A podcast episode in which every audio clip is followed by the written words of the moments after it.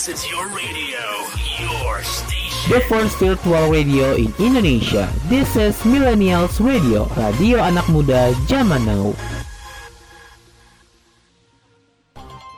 Annyeonghaseyo, Kapungkap, Sawadikap, selamat datang di The New Zona Asia. Tepatnya kamu dengerin berbagai lagu-lagu hits Asia dan juga beragam info Asia yang pastinya kece-kece parah. So please welcome the new Zona Asia.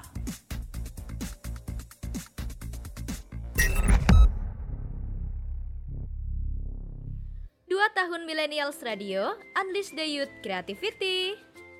Selamat datang di The New Zona Asia bersama aku Aulia Edlin dari Sidoarjo.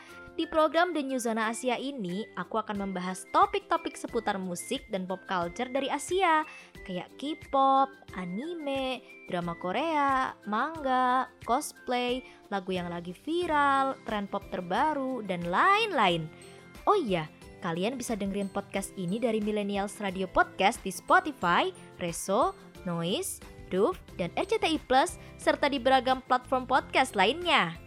Kalian juga bisa nonton video podcast Millennials Radio di YouTube channel Millennials Radio loh. Udah dicatat belum? Kalau udah, yuk langsung ke topik pertama.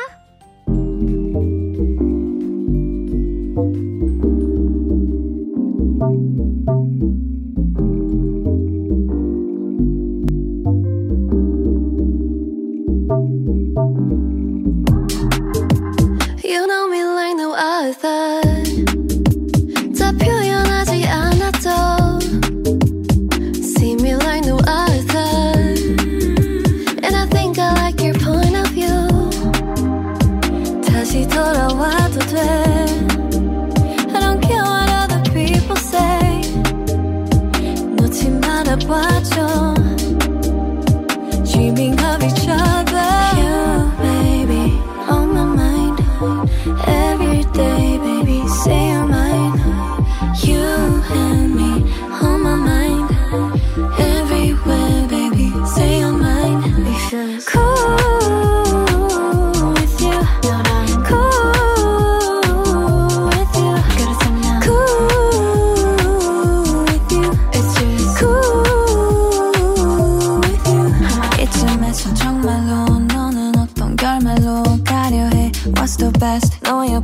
있을 때 이런 말이 잘 나와 이제 더 말하지 않아도 알아. 우리 둘이 만든 거리. 건너서 여기.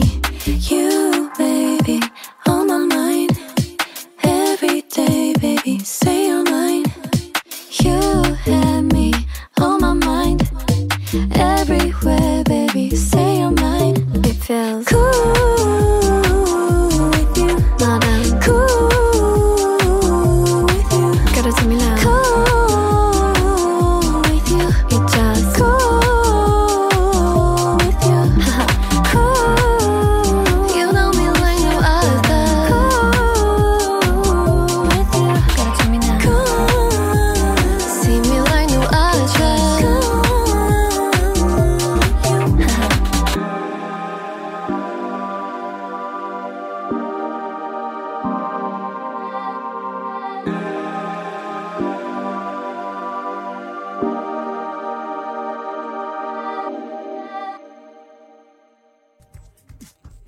is the new Zona Asia with Aulia Edlin from Sidoarjo, Jawa Timur.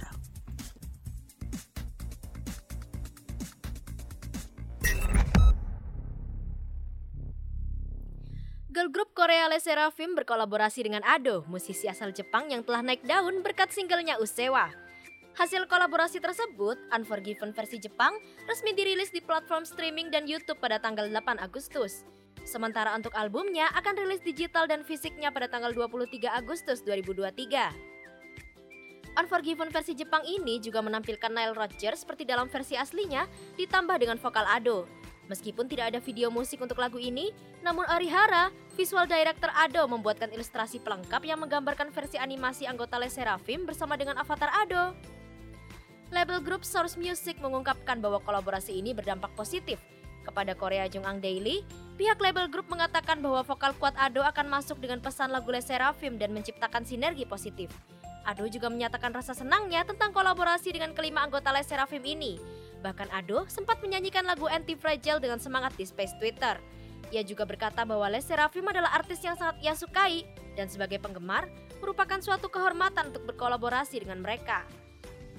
Album kedua Les Seraphim yang akan datang juga akan mencakup lagu Jepang lainnya berjudul Jewelry yang diproduksi oleh penyanyi penulis lagu Jepang serta versi Jepang dari lagu mereka sebelumnya Anti-Fragile. Les Seraphim memang telah melakukan banyak kolaborasi akhir-akhir ini. Bulan lalu misalnya, Les Seraphim merilis remix baru dari lagu hit mereka, If, Psyche, and the Bluebird's Wife. Kali ini dengan tambahan bait baru dari Demi Lovato. Lagu ini memiliki beberapa remix sebelumnya, termasuk dari Rina Sawayama dan beberapa rapper Korea Selatan. Pada bulan Juni, NMI mencantumkan If, Psyche, and the Bluebird's Wife sebagai salah satu lagu K-pop terbaik tahun 2023 dan juga digambarkan sebagai lagu yang candu untuk didengar. Ado sendiri adalah seorang utaite atau penyanyi anonim asal Jepang yang debut di YouTube dengan lagu Usewa pada tanggal 23 Oktober 2020. Di usia yang masih muda, ia berhasil meraih banyak penghargaan berkat lagu Usewa, bahkan menempati posisi satu di Billboard Japan Hot 100 dan diulu-ulukan muda-mudi Jepang sebagai lagu kebangsaan generasi muda 2021. Lagu Usewa ini menyindir tentang norma-norma di Jepang yang dianggap tidak masuk akal, dengan vokal Ado yang kuat, lagu ini jadi terdengar emosional, seolah menggambarkan perasaan muda-mudi Jepang yang sebenarnya sudah muak dengan norma yang ada, namun keluh kesah itu hanya bisa mereka simpan di dalam hati. Pada tahun yang sama setelah ia merilis single debutnya, Ado kembali merilis digital single kedua Ready Made yang ditulis oleh Vocaloid Pisuri. Lalu Ado merilis single ketiganya yang berjudul Gira-Gira pada hari Valentine tanggal 14 Februari 2021. Single ini ditulis oleh Vocaloid Piteni Waha. Selain single debut Usewa, Ado juga dikenal dengan lagu New Genesis yang merupakan lagu tema film One Piece Red. Dalam anime tersebut, Ado dipercaya untuk bernyanyi sebagai Uta, karakter anak perempuan Shanks yang digambarkan sebagai penyanyi paling dicintai di dunia. Proyek tersebut pun melahirkan tiga lagu yang dinyanyikan oleh Ado, yaitu New Genesis, I'm Invincible, dan Backlight. Penasaran sama single collab Les Seraphim X Ado ini? Yuk kita dengerin sama-sama Les Seraphim featuring Nile Rodgers and Ado, Unforgiven. Unforgiven, I'm a villain, I'm a Unforgiven, 私は行く Unforgiven, I'm a villain, I'm a 記憶されてく Unforgiven Yeah, what you want 深い宿るフェイスまで show me up 刈り重ね続ける warriors Let me do blue seraphim. 스킬 라인 on the food we Could I am me your terrace you're reveling We gonna keep it rules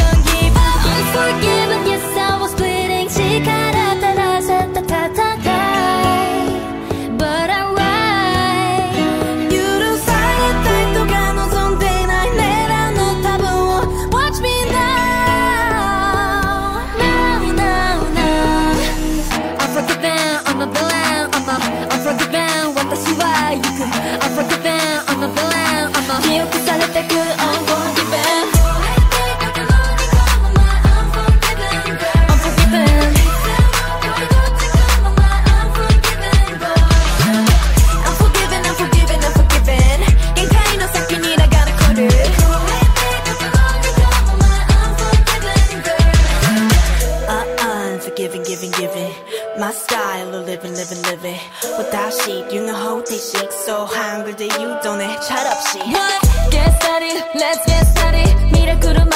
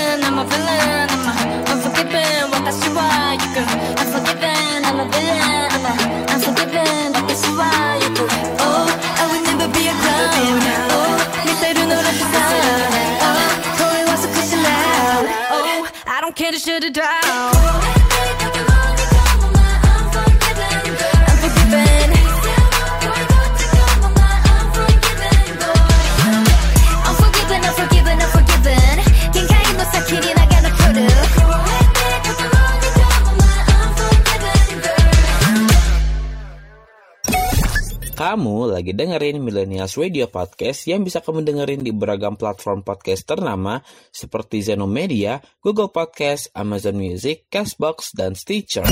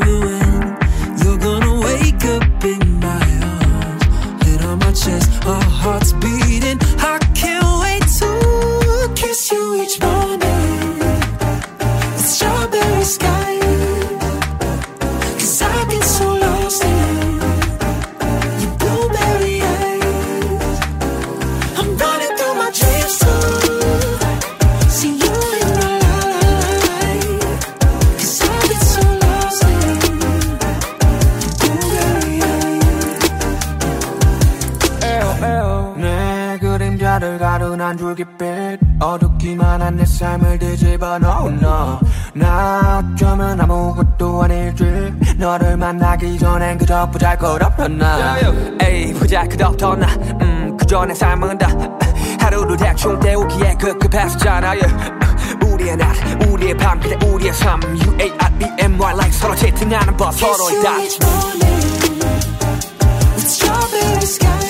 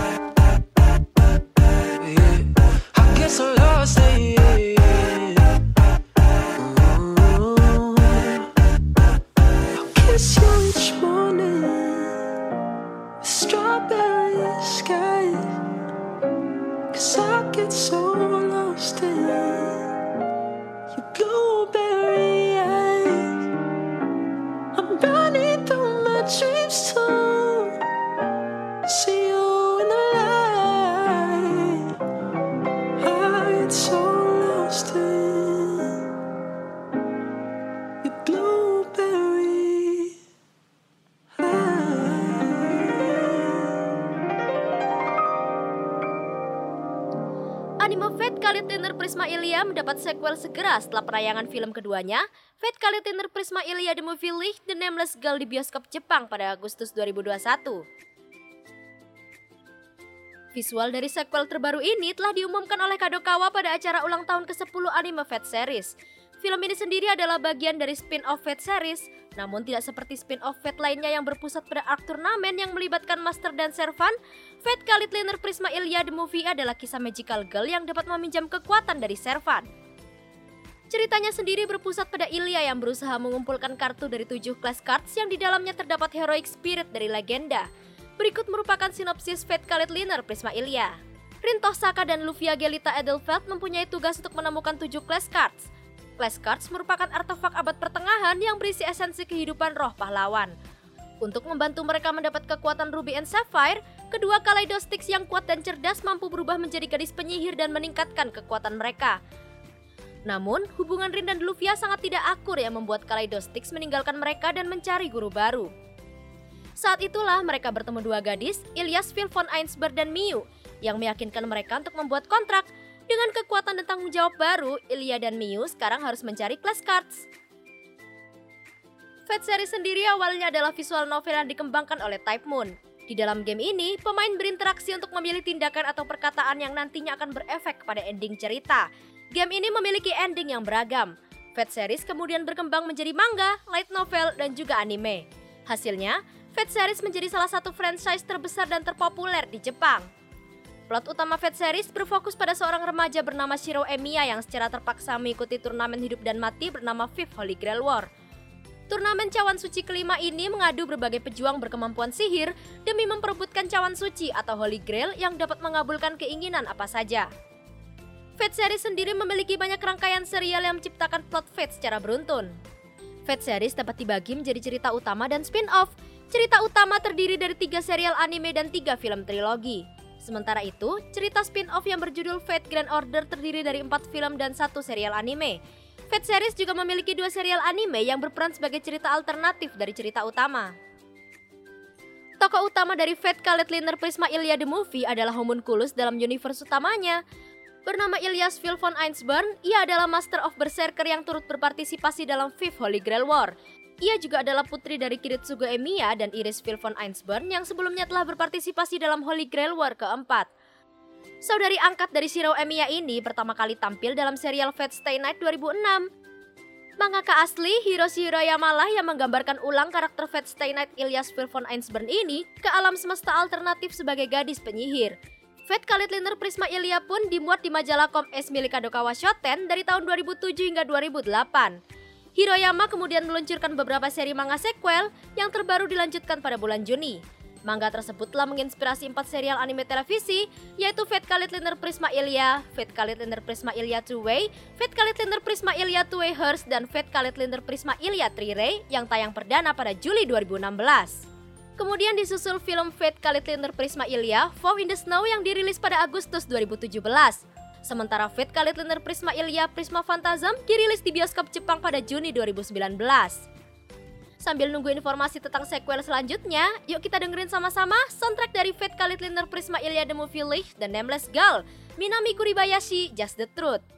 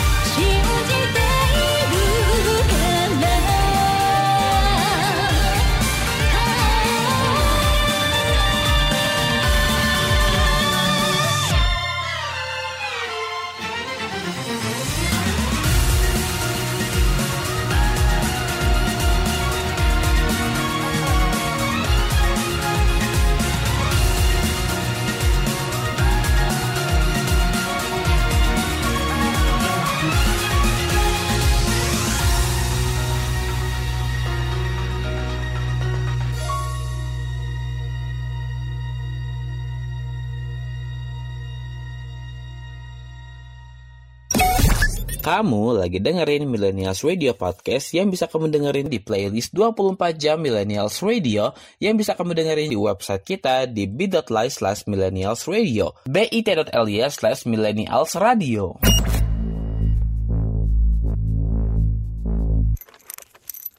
하늘 인사해 어둘까봐 시작해요 서른 없이 지금 사양할게요 Back back up. 이대로 좋아요. Balance balance. It's me 나예요. 다를 거 없이. 요즘엔 뭔가요? 내 갓색 탐색하는 불빛. Scanner scanner. 오늘은 몇 점인가요? Jealous jealous. 쟤는 대체 왜 저런 옷을 좋아한담 기분을 알 수 없는 내 표정은 뭐람? 내가 달라진 건 아마 스트레스 때문인가 걱정 여자도 참 Yellow C-A-R-D 이선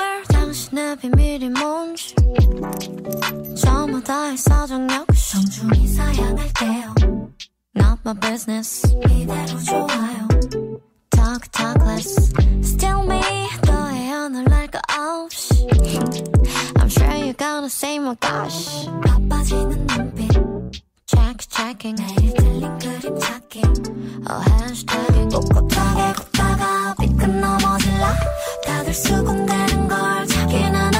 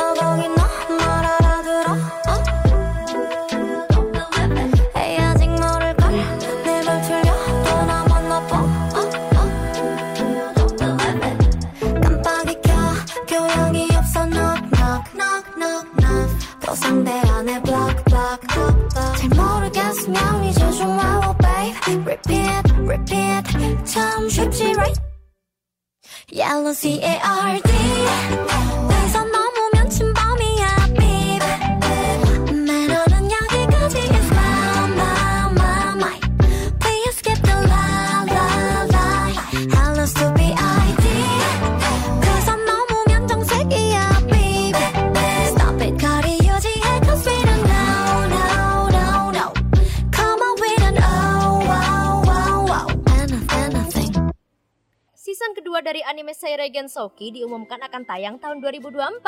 Kabar baik ini disampaikan melalui akun Twitter resmi dari anime Seiregen Soki Spirit Chronicles. Season 1 dari anime ini sendiri tayang perdana pada Juli 2021 lalu. Anime ini disutradarai oleh Osamu Yamasaki di TMS Entertainment yang berkolaborasi dengan WoW World. Yamasaki juga menulis naskah bersama Mitsuka Hirota, Megumu Sasano, dan Yoshiko Nakamura. Anime ini sendiri bercerita tentang seorang anak yatim piatu bernama Rio yang tinggal di daerah kumuh. Di usianya yang baru tujuh tahun, dia menyadari bahwa dia merupakan reinkarnasi dari Haruto Amakawa, seorang mahasiswa Jepang dengan masa lalu yang tragis. Di kehidupan sebelumnya, ia meninggal sebelum sempat bertemu dengan teman masa kecilnya yang menghilang lima tahun lalu. Di sisi lain, Rio juga mengetahui bahwa ia memiliki kemampuan magis yang sangat kuat dan menggunakan kekuatan barunya untuk memecahkan kasus penculikan seorang gadis kecil. Singkat cerita, ia pun dimasukkan ke dalam akademi bergengsi untuk anak-anak bangsawan karena prestasinya itu. Namun sesungguhnya, ia memiliki sebuah tujuan, yakni membalas dendam atas kematian ibunya dua tahun lalu. Pengisi suara untuk karakter utama Rio adalah Yoshitsugu Matsuoka. Seiyu asal Hokkaido, Jepang ini berafiliasi dengan agensi bakat I'm Enterprise.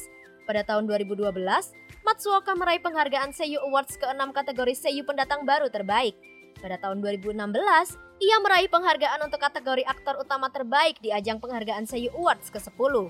Beberapa karakter terkenal yang pernah diperankannya yaitu Futaro dari Kotobun no Hanayome, Inosuke dari Kimetsu no Yaiba, Kirito dari Sword Art Online, Betelgeuse dari ReZero, Souma dari Shokugeki no Soma, dan masih banyak lagi. Selain karakter utama Rio, ada beberapa heroin yang juga ditampilkan pada visual poster anime ini. Salah satunya yakni Aishia yang diperankan oleh Yuki Kuwahara. Seiyu kelahiran Sasebo Jepang ini merupakan lulusan dari Tokyo Announce Academy. Pada tahun 2012, ia mulai berlatih menjadi seiyu di Mausu Promotion dan resmi berafiliasi dengan perusahaan tersebut pada tahun 2014. Kuwahara mulai tertarik dengan dunia dubbing sejak SMP. Ia juga adalah pengisi suara Tohru dari Kobayashi Sanchi no Maid Dragon. Kuwahara suka menonton anime Naruto dan karakter yang ia sukai adalah Sasuke Uchiha. Lalu ada juga tokoh Celia Claire yang juga ditampilkan pada visual poster. Karakter ini diperankan oleh Akane Fujita. Seiyu asal Shizuoka Jepang ini melakukan debutnya sebagai seiyu pada tahun 2012, mengisi suara karakter Yuri dalam video game Generation of Chaos Pandora's Reflection. Ia kemudian memainkan sejumlah peran pendukung dalam serial anime seperti Aikatsu, Chihaya Furu, Magical Warfare, dan Pokemon XY and Z. Pada 2015, ia berperan sebagai Yukari Mizumoto di Idol Master Cinderella Girls dan Megumi Uda di High School Fleet. Ia juga berperan sebagai karakter Sagiri Izumi dalam adaptasi drama radio online dan seri novel ringan Ero Manga Sensei. Ada pula Latifa, karakter berambut pirang ini disuarakan oleh Tomori Kusunoki. Seiyu dan penyanyi asal Tokyo, Jepang ini berafiliasi dengan Sony Music Artist. Ia berhasil meraih penghargaan aktris pendatang baru terbaik pada gelaran Seiyu Awards 2019. Musim ini, ia juga mengisi suara untuk anime yang sedang tayang, Zom 100 Bucket List of the Dead sebagai Shizuka Mikazuki. Saat kelas 2 SMP, Kusunoki terinspirasi menjadi seiyu setelah menonton Kobato dan mengagumi karakter utama yang diperankan oleh Kana Anazawa. Lalu, karakter terakhir yang ditampilkan dalam poster adalah Miharu Ayase yang diperankan oleh Sayaka Harada. Seiyu kelahiran prefektur Chiba, Jepang ini pernah berafiliasi dengan Claire Voice, namun pada Juli 2019, ia keluar dari Claire Voice untuk menjadi pekerja lepas. Ia pernah memainkan peran utama di beberapa seri anime seperti Tawawa on Monday, Urara Merocho, Aho Girl, Holder, dan di Idol Master Cinderella Girls. Seirei Gensoki Spirit Chronicles awalnya merupakan serial novel yang ditulis oleh Yuri Kitayama di situs Shosetsu Kaninaro pada Februari 2014. Novel ini kemudian diterbitkan oleh Hobby Japan dengan ilustrasi karya Riff pada tahun 2015. Setelahnya, novel ini pun mendapatkan adaptasi manga pada 2017 yang dibuat oleh Futago Minaduki. Jadi nggak sabar ya nunggu season 2-nya tahun depan? Yuk kita dengerin sama-sama lagu opening Seirei Gensoki. Mari Kono New Story. 指でなぞった言葉たちが奏でる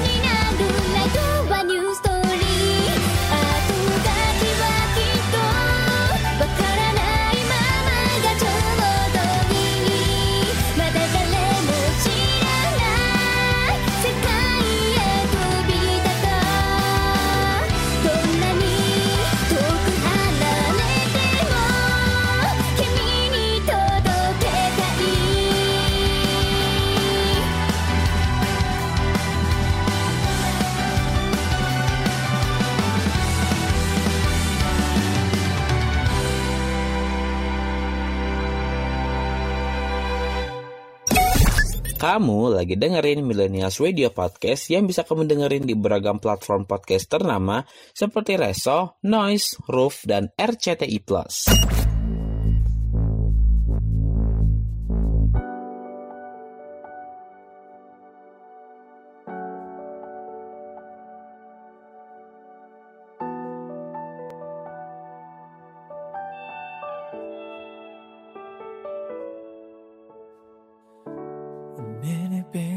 ได้ใช้ชีวิตด้วยกันเธอจำได้ไหมอะไรที่เราเคยผ่านยิ้มและหัวเราะด้วยกันทะเลาะกันบางครั้ง แต่มันก็ดีเท่าวันไหม จะเป็นยังไงถ้าฉันไม่ทำนั่นเขา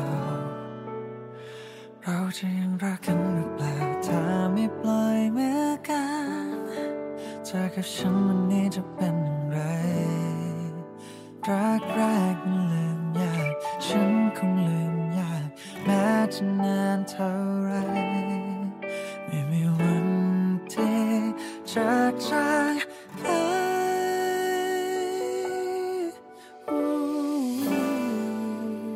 เธอสบายดีไหมเป็นคำถามที่ยังคงวนอยู่ซ้ำๆอยากรู้แค่เพียงเธออยู่ตรงนั้น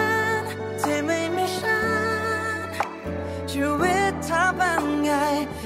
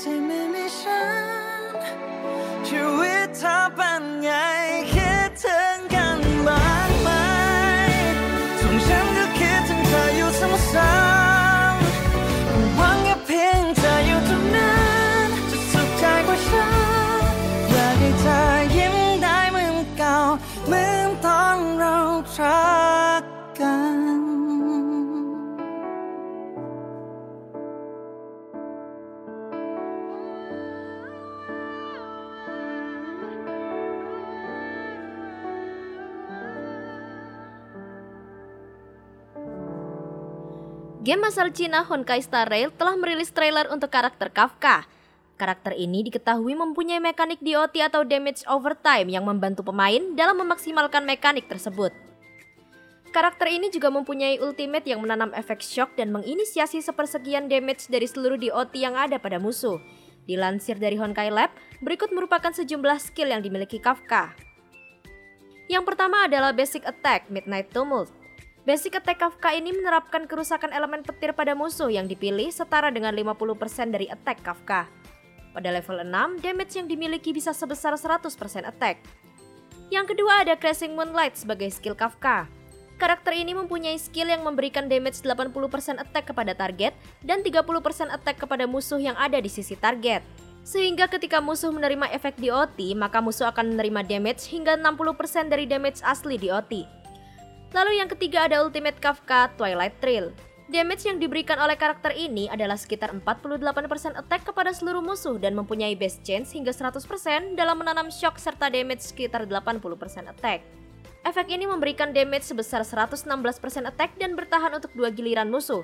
Selain itu, Kafka juga mempunyai talent bernama Gentle But Cruel, di mana setelah teman satu tim menyerang musuh menggunakan basic attack, maka Kafka bisa memberikan serangan follow up damage-nya sekitar 42% dengan 100% base chance yang menginisiasi shock. Di dalam Honkai Star Rail, Kafka sendiri adalah salah satu anggota kelompok Stellaron Hunters yang dikenal cantik dengan sifat yang tenang. Pemilik elemen lightning dan pet ini digambarkan sebagai sosok perempuan yang elegan, dihormati, dan menyukai hal-hal indah. Stellaron Hunter sendiri adalah kelompok organisasi misterius yang bertujuan mengoleksi Stellarons. Kelompok ini dipimpin oleh seseorang bernama Elio Beberapa anggota yang telah terungkap yaitu Kafka, Silverwolf, Blade, dan Sam. Selain itu, tidak banyak informasi mengenai organisasi ini. Tak ada yang tahu Aeon mana yang mereka sembah atau apa yang mereka inginkan dengan Stellaron hasil curiannya. Namun yang jelas, para anggota memiliki kekuatan yang luar biasa. Banyak pemain di komunitas yang menyebut Kafka dengan panggilan Mami. Bukan hanya karena penampilannya, usut punya usut, ternyata Kafka memanglah ibu dari protagonis secara teknis. Hal ini dikonfirmasi lewat cerita karakter Kafka di mana pemain bisa bertanya mengenai protagonis dan juga anggota Stellaron Hunters. Di sana, Kafka berkata bahwa protagonis game atau kita adalah anaknya secara genetik, karena sebagian data dari tubuh protagonis berasal darinya. Selain itu, ia juga menyatakan bahwa anggota kelompok Stellaron Hunters yang lain seperti Silverwolf, Blade, ataupun Sam tidak cocok mengasuh anak. Dalam trailer karakter Kafka yang telah dirilis oleh MiHoYo, terdengar alunan musik biola yang menimbulkan kesan megah dan anggun. Video ini memperlihatkan aksi keren dan suara Kafka yang menggoda. Video tersebut juga memperlihatkan harga bounty dari Kafka di galaksi, yakni 10 miliar 899 juta, yang mana hal ini menunjukkan betapa berbahayanya ia sehingga diinginkan untuk segera ditangkap. Video diakhiri dengan Kafka yang melakukan kabedon ke musuh dengan kakinya. Penasaran? Kalian bisa tonton langsung di channel YouTube Honkai Star Rail pada video berjudul Kafka Trailer A Dramatic Irony.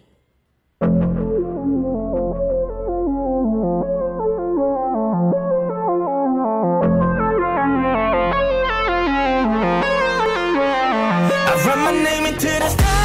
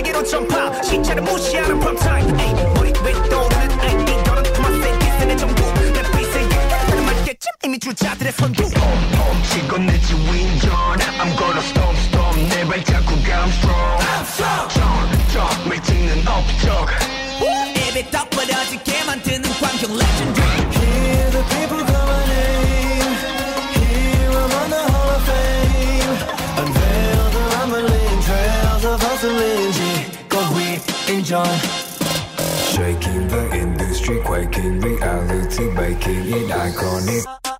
I stack it up now 솟아올라 빼곡한 내 일기장과 기록들은 making new history now 빛이 나는 이 자리발 딛고 고개 바빠 시들어 이제 나나 Call me Shakespeare I'm feeling I'm a papers 즐겨고 비활배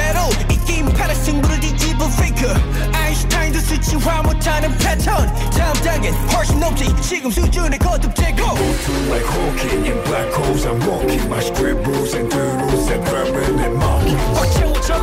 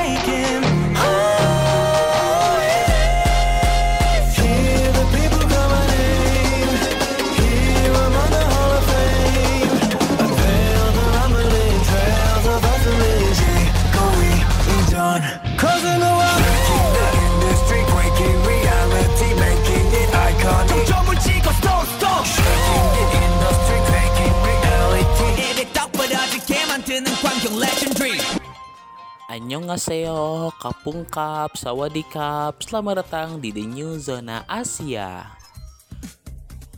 Tempatnya kamu dengerin berbagai lagu-lagu hits Asia dan juga beragam info Asia yang pastinya kece-kece parah. So please welcome The New Zona Asia.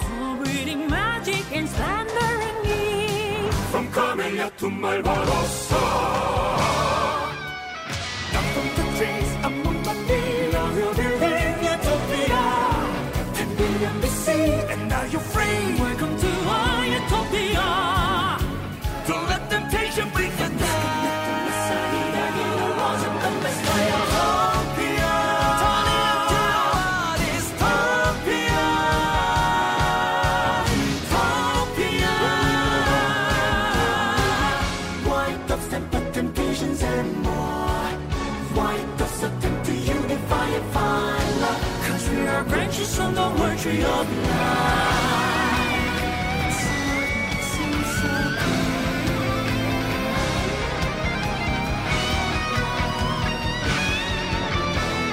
I am the light of fire, surfer. Kill this scene of silence.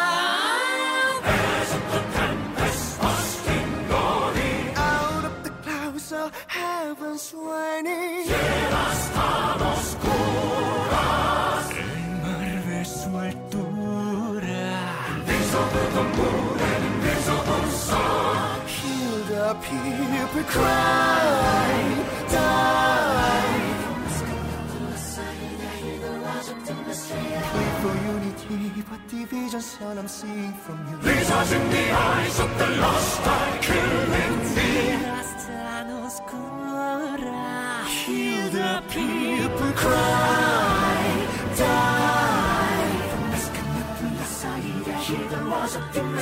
Must be one and one and be together in eternity. Utopia.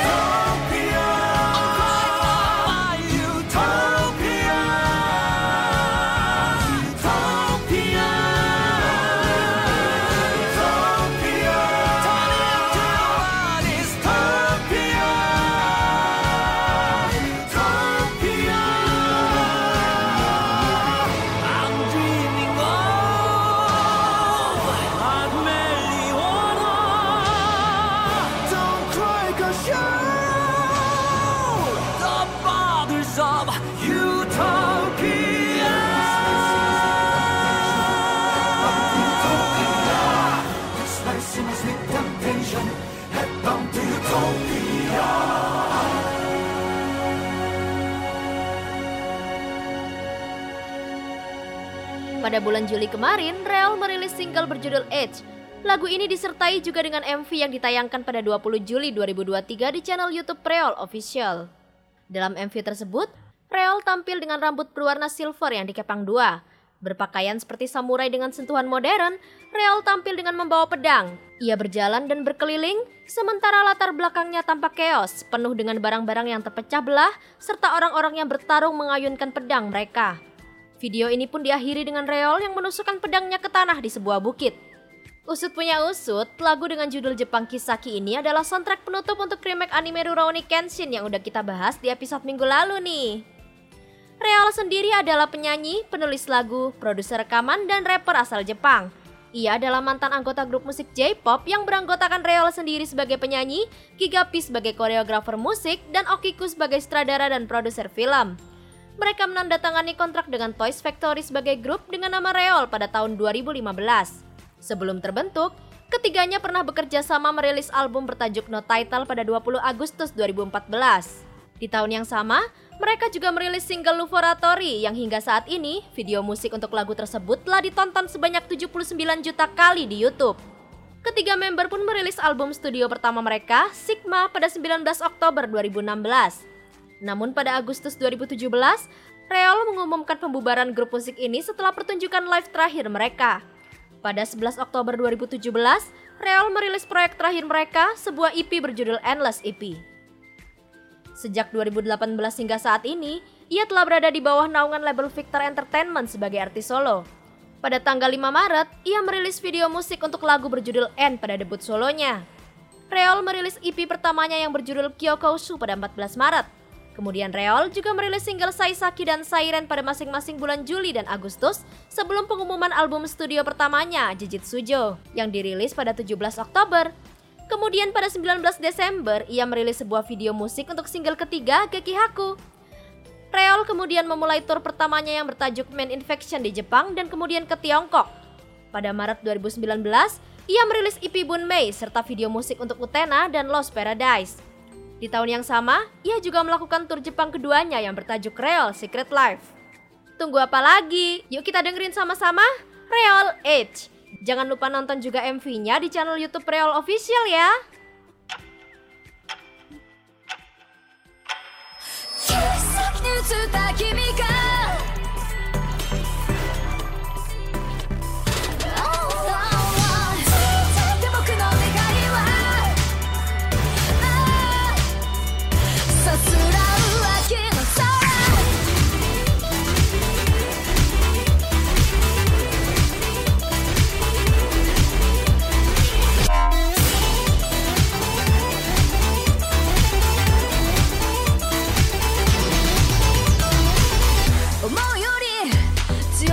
ないその横顔に。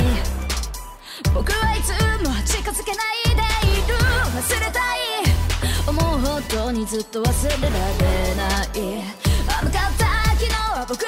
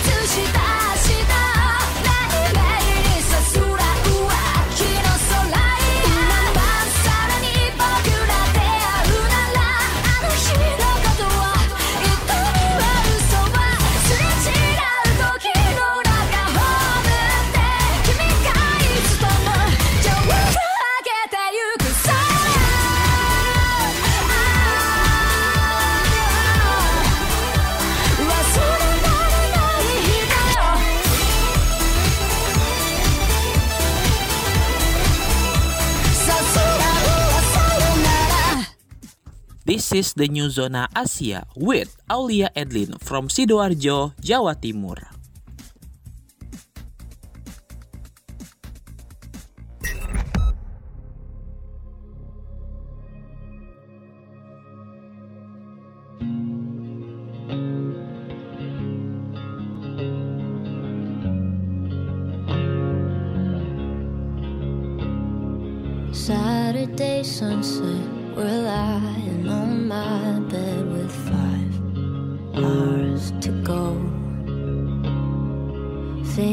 entwined and so were our minds crying I don't want you to go.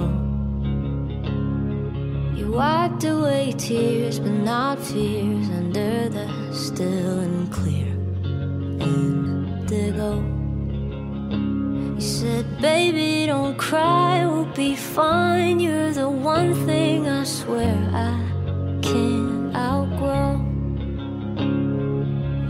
mother said the younger me was a pretending prodigy. Well, nothing that much has changed.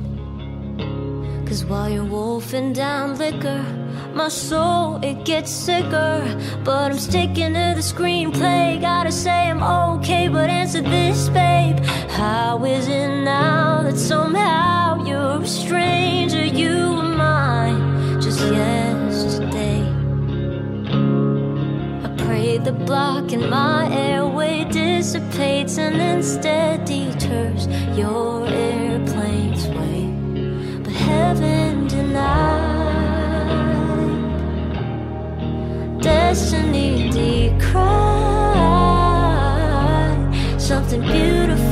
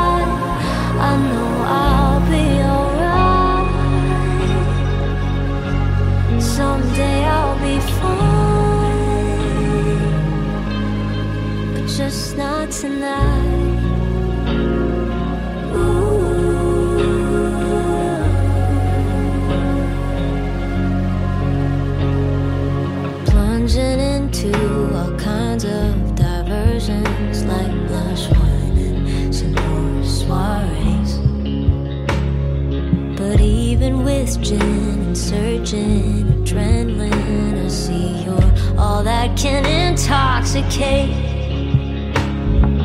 Oceans and engines, you're skilled at infringing on great love affairs. Cause now my heart's home, all I've known.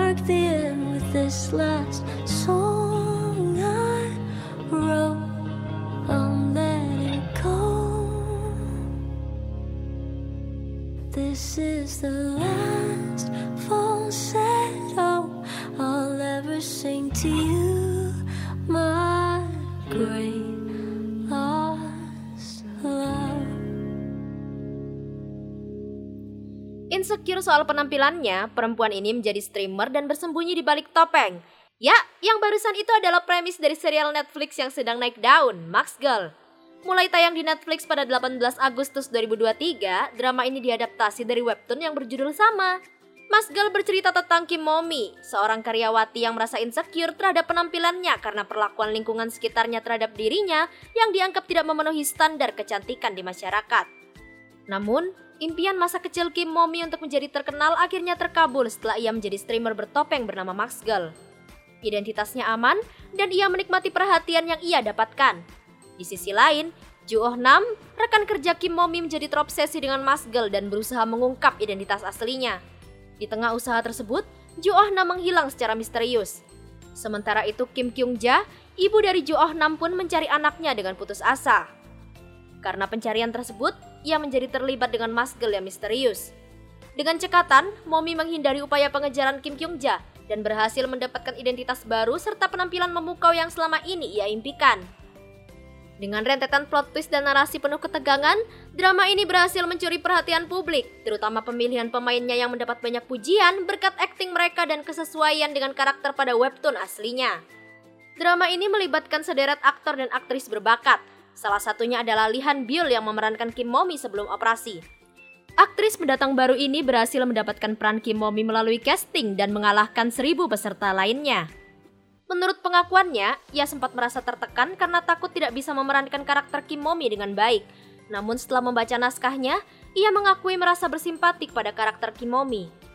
Ia juga mengungkap bahwa dulu pernah merasakan pengalaman yang sama dengan karakter yang ia perankan tersebut. Pernah dipandang sebelah mata karena fisiknya, hal itu justru malah memotivasi Han Byul untuk memerankan karakter Momi dalam drama ini. Untungnya, ia merasa diterima dengan baik dan disambut dengan hangat selama proses syuting berlangsung. Kabar baiknya, ia juga telah resmi menandatangani kontrak eksklusif dengan Ace Factory. Pihak agensi berharap dapat melakukan yang terbaik demi mendukung kemampuan Lee Han Byul dalam berbagai karya. Selanjutnya, pemeran untuk Kim Momi setelah operasi adalah Nana. Terkenal sebagai Nana After School, aktris dengan pengalaman lebih dari 30 tahun ini menunjukkan sisi yang berbeda di Max Girl. Ia tampil dalam adegan-adegan fisik yang menunjukkan banyak darah. Merupakan mantan anggota girl band Korea Selatan After School, Nana memulai karirnya sejak tahun 2009 di bawah naungan Pledis Entertainment. Nana merupakan lulusan Institut Seni Seoul dan lulus dengan gelar Bachelor of Arts. Tak hanya itu, ia juga pernah berpartisipasi dalam kontes Supermodel Asia Pasifik 2009. Selain dua aktris tersebut, ada pula Go Hyun Jung yang memerankan karakter Kim Momi setelah efek operasi plastik. Bahkan, ia memerankan banyak adegan berat sebagai Kim Momi tanpa pemeran pengganti loh. Walaupun sutradara Kim Yong Hun sempat ragu, namun pada akhirnya Hyun Jung tetap melakukan perannya tanpa stuntman. Kim Yong Hun, sutradara Mas Girl menyebut aktris berumur 52 tahun itu dengan sukarela melakukan adegan berat seperti meletakkan wajah di jalanan aspal, serta beberapa adegan yang melibatkan properti lumpur dan darah buatan. Go Hyun Jung merupakan lulusan Universitas Dongguk dengan gelar seni pertunjukan. Ia memulai debutnya pada tahun 1989 lalu sebagai runner-up Miss Korea. Setelah dikenal luas, ia pun terlibat dalam drama Korea berjudul Sunglass yang kemudian menjadi salah satu drama Korea dengan rating tertinggi dalam sejarah pertelevisian Korea. Setelahnya, ia membintangi banyak drama dan berhasil memukau penonton dengan kemampuan aktingnya. Bahkan, ia pernah menjadi artis dengan bayaran tertinggi di TV karena kesuksesannya di serial Queen Sondok dan Daemul. Selain ketiga aktris yang memerankan satu karakter utama, ada pula pemain lain yang terlibat dalam drama ini, antara lain yaitu An Jae Hong yang memerankan Jo Oh Nam, Yum Hyeran sebagai Kim Kyung Ja alias ibu Jo Oh Nam, Choi Daniel sebagai Park Gi Hun, Jung Hwa Exit sebagai Lee Ah Rem, dan masih banyak lagi. Penasaran dengan drama ini? Drama Korea Mas Girl ini berjumlah 7 episode dan bisa kamu tonton di Netflix.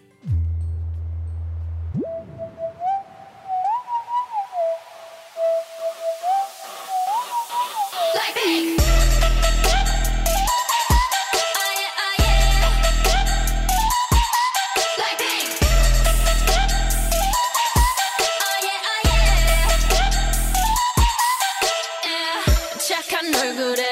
얼굴에 그렇지 못한 태도 간녀린 몸에 쏙 가려진 볼륨은 두 배로. 거침없이 찍힌 굳이 보진 않진 않지. 블랙하면 핑크 우린 예쁘장한 savage. 원하던 대놓고 뺐지. 너무래도 칼로 무배기. 두 손엔 가득한 chicks 궁금하면 해봐 check. 눈 높인 꼭대기. 물 만난 물고기. 좀 톡해. 난 toxic 유혹해. I'm foxy. 두번 생각해. 흔한 남들 처럼 착한 척이 못하니까 착각하지 마. 쉽게 웃어주는 건 날 위한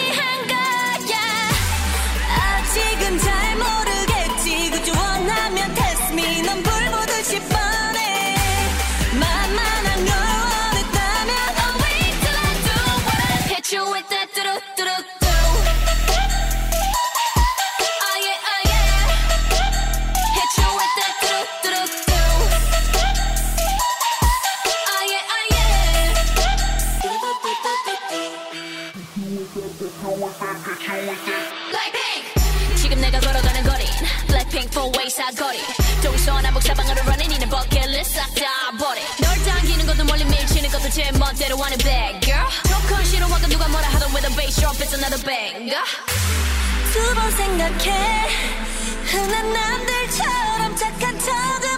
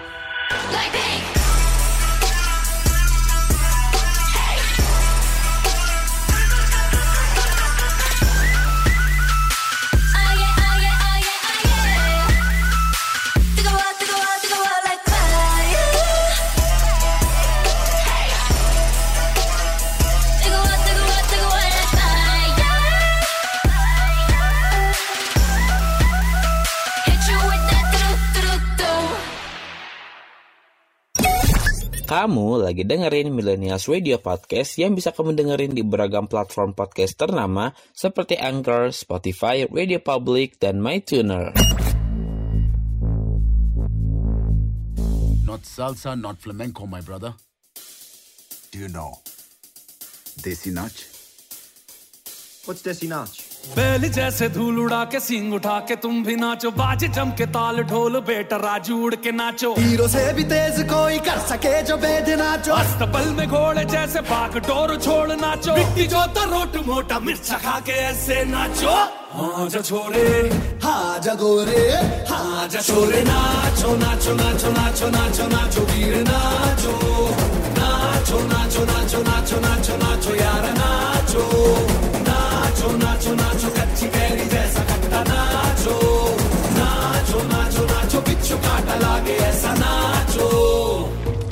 I've had enough of this nonsense. You two out. No, Jake. I've had enough of your bullying. Oh, no.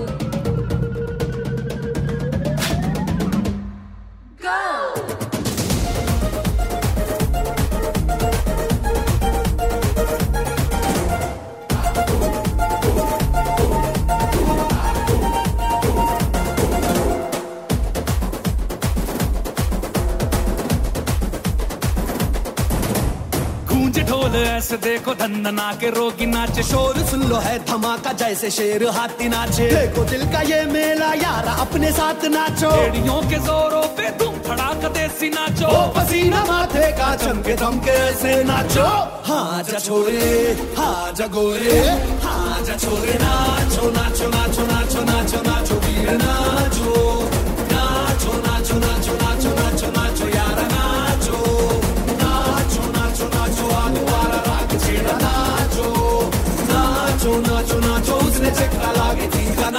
Tour.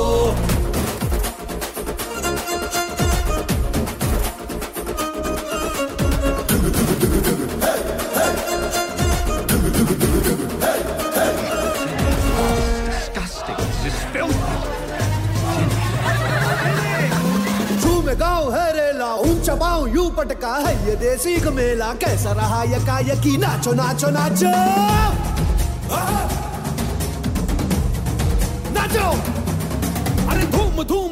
जा पाओ में जान जगा, धुमक धुमक नाचे जा, दुनिया हिला दे सारी, नाचो नाचो नाचो।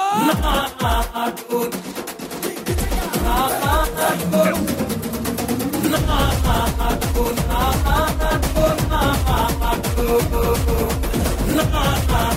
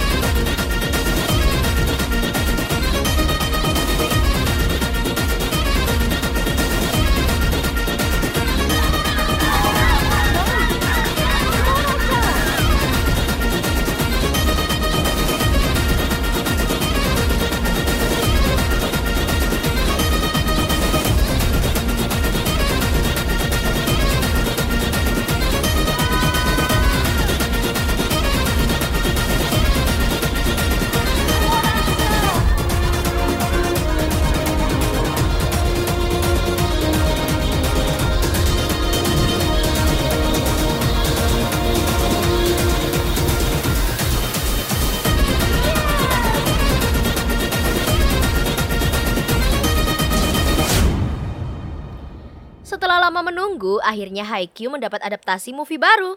Kabar gembira ini diumumkan pada pembukaan gelaran Haikyuu Festa 2023, di mana informasi mengenai Haikyuu lebih lanjut akan dibagikan di event yang akan digelar hingga 24 September mendatang. Tak hanya satu, movie yang telah diumumkan pada 19 Agustus 2023 ini akan tayang dalam format serial. Usut punya usut, Haikyuu The Movie baru akan menutup serial anime olahraga voli ini mengingat mangganya yang telah lama berakhir. Tapi jangan sedih, movie terakhir ini akan tayang sebanyak dua episode. Bagian pertama dari Haikyuu The Movie ini berjudul Decisive Battle at the Garbage Dump. Seperti judulnya, tentunya para penggemar Haikyuu sudah tahu dong. Yap, bagian pertama serial movie ini akan menampilkan pertandingan antara dua sekolah yang udah jadi rival abadi sejak lama, Karasuno melawan Nekoma. Sedangkan untuk Haikyuu Final Movie Part 2 sendiri akan menyajikan babak akhir dari serial ini, di mana Hinata akan menghadapi sang raksasa kecil dari Kamomedai, yaitu Korai Hoshiumi. Haikyuu Movie Part 1 Decisive Battle at the Garbage Dump sendiri akan disiapkan untuk dirilis pada tahun 2024 mendatang, di mana IG Productions kembali dipercaya untuk menggarap animasinya. Telah dibagikan pula teaser movie ini melalui Twitter. Menariknya, sempat dikabarkan bahwa sorakan dari 10.000 penggemar dari acara kick-off untuk serial anime ini akan dimasukkan ke dalam film. Wah, menarik banget ya konsepnya. Dengan begitu, penonton pasti akan dapat merasakan antusias sesama penggemar secara nyata. Serial Haikyuu sendiri berkisah tentang Hinata Shoyo dan Kageyama yang bercita-cita untuk menjadi pemain bola voli profesional. Berawal dari klub bola voli SMA Karasuno, Hinata dan Kageyama dikenal sebagai pasangan bola voli dengan kemampuan yang unik dan kecepatan smash yang luar biasa. Keberadaan keduanya membuat tim Karasuno kembali bangkit. Pada season terakhir anime ini, SMA Karasuno berhasil mengalahkan SMA Aoba Josai di semifinal dan Shirato Rizawa di final, sehingga mereka pun lolos ke babak nasional. Nantinya Karasuno akan menghadapi musuh bebuyutan mereka, yakni SMA Nekoma, dan selanjutnya akan menghadapi Kamomedai. Bagian pertama dari movie ini akan melanjutkan jalan cerita dari season keempat animenya, di mana season 4 mengadaptasi dari manga chapter 292. Walaupun demikian, sebagian besar penggemar merasa kecewa nih dengan keputusan pihak produksi. Pasalnya, harusnya cerita Haikyuu masih berlanjut di manga, di mana ia memutuskan untuk berlatih voli pantai di Brazil selepas lulus SMA. Lalu manga pun ditutup dengan pertandingan MSB Black Jackals melawan Sweden Adlers. Namun cerita animenya justru akan ditutup dengan Hinata melawan Korai. Masih ada sekitar 100 chapter lebih yang belum diadaptasi. Padahal pertandingan terakhir ini pasti sangat ditunggu-tunggu versi animasinya oleh para penggemar. Ya, kita berharap saja semoga kedua movie ini sukses besar nantinya sehingga pihak produksi berubah pikiran untuk menambah jumlah episode. Dan juga, semoga key visual dan tanggal rilis untuk Haikyuu The Movie ini segera diumumkan ya millennials.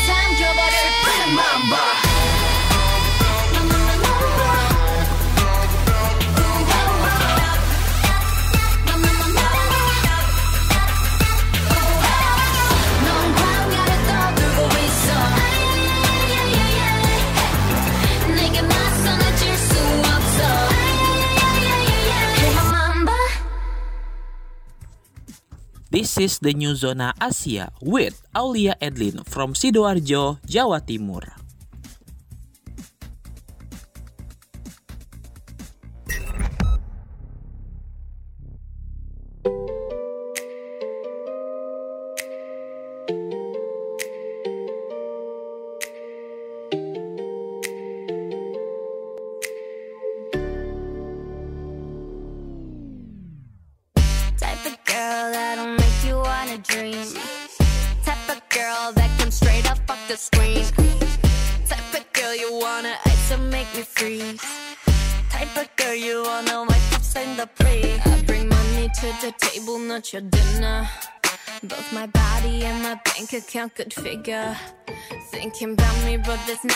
Consider.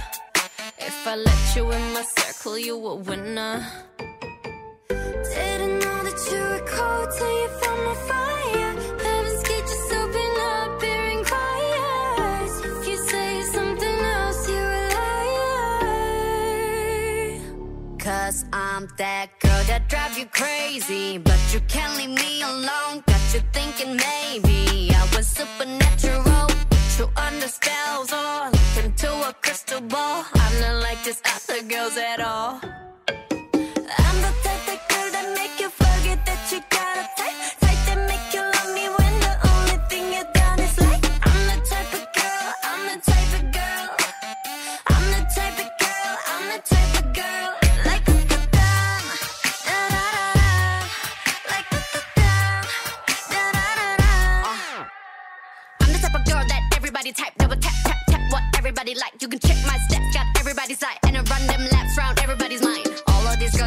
On shit, that mean they all cap. Being the best at whatever I do, that's something on brand. Type of girl that you wish for when you blow that candle out. Type of girl that you wanna take back to your mama house. Type of girl that don't ask for what she wants, you taking out. Type of girl who got gag and some quality, yes, Chanel. Now you know that you were cold cause you fit my fire Heaven's gate just opened up, hearing choirs If you say something Cause I'm that girl that drive you crazy. But you're killing me alone. Got you thinking maybe I went supernatural. But you under spells or look into a crystal ball. I'm not like these other girls at all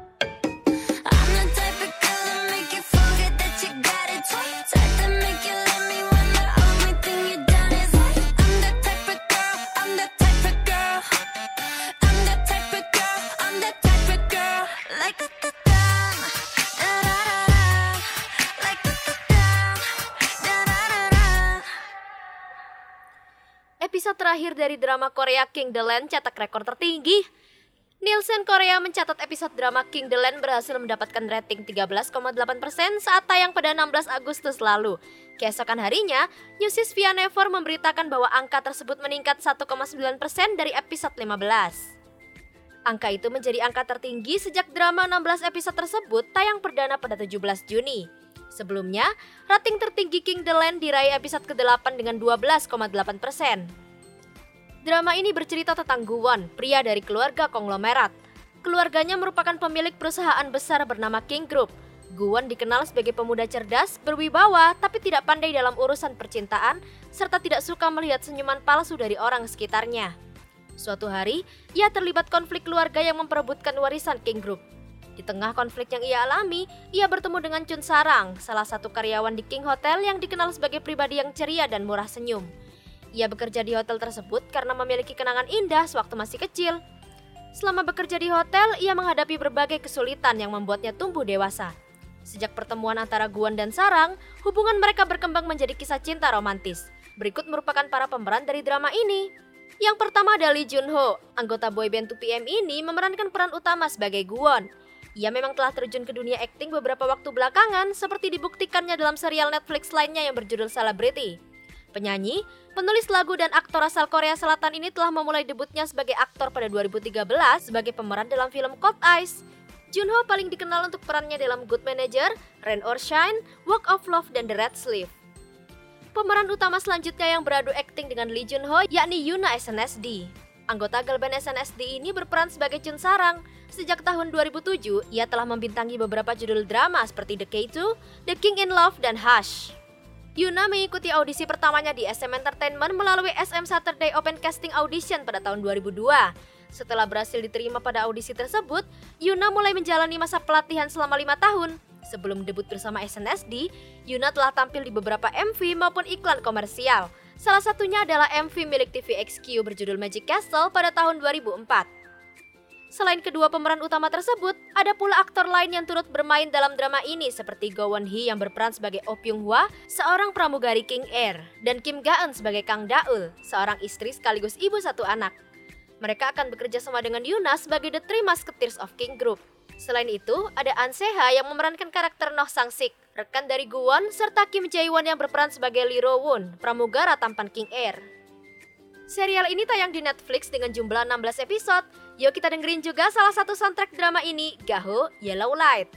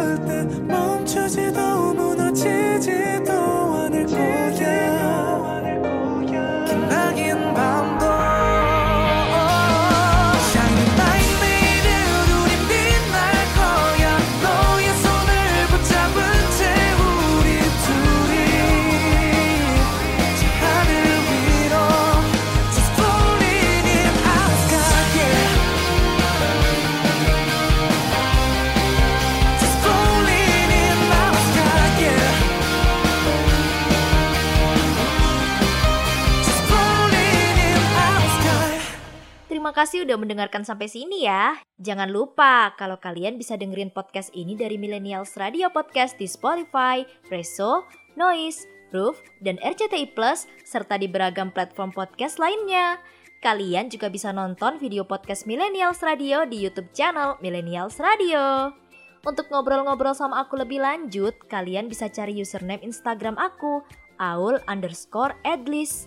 Aku ulangin ya. A-U-L underscore E-D-L-I-S. Jangan lupa follow, aku tunggu ya.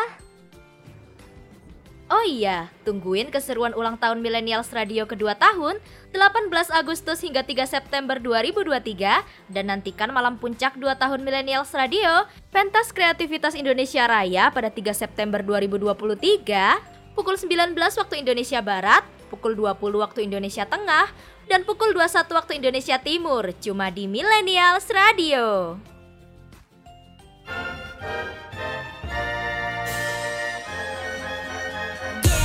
One, two, three, 지금부턴 다 surprise A to Z 너를 위한 이 순간 Just today 뭐든 해도 들뜨는 기분에 완벽한 날씨까지 Feel so high, oh my gosh 전부 선물같이 덤덤 오늘 하루 마치 diamond I got, I got, I got a special day 시작해 another chance 달콤한 아이스크림 케이크 또다시 내게 건네 너의 heartbeat check sweat check 지금 날 보면 떨리는 네 눈빛 check Take your day 두 꼭 모은 채로 뭐든 상상해봐. 눈앞에 네가 원한 모든 걸 다 보여주고 싶어. It's my day and your day. It's a party party. 불꽃 다 타올라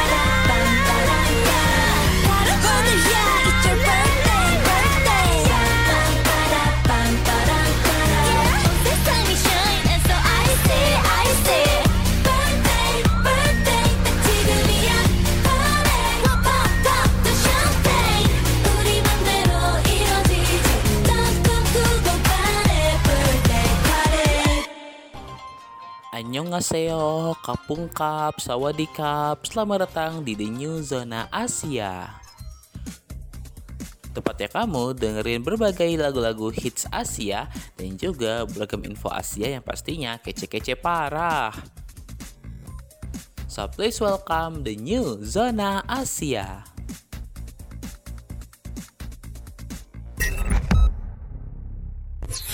This is your radio. The first virtual radio in Indonesia. This is Millennials Radio, radio anak muda zaman now.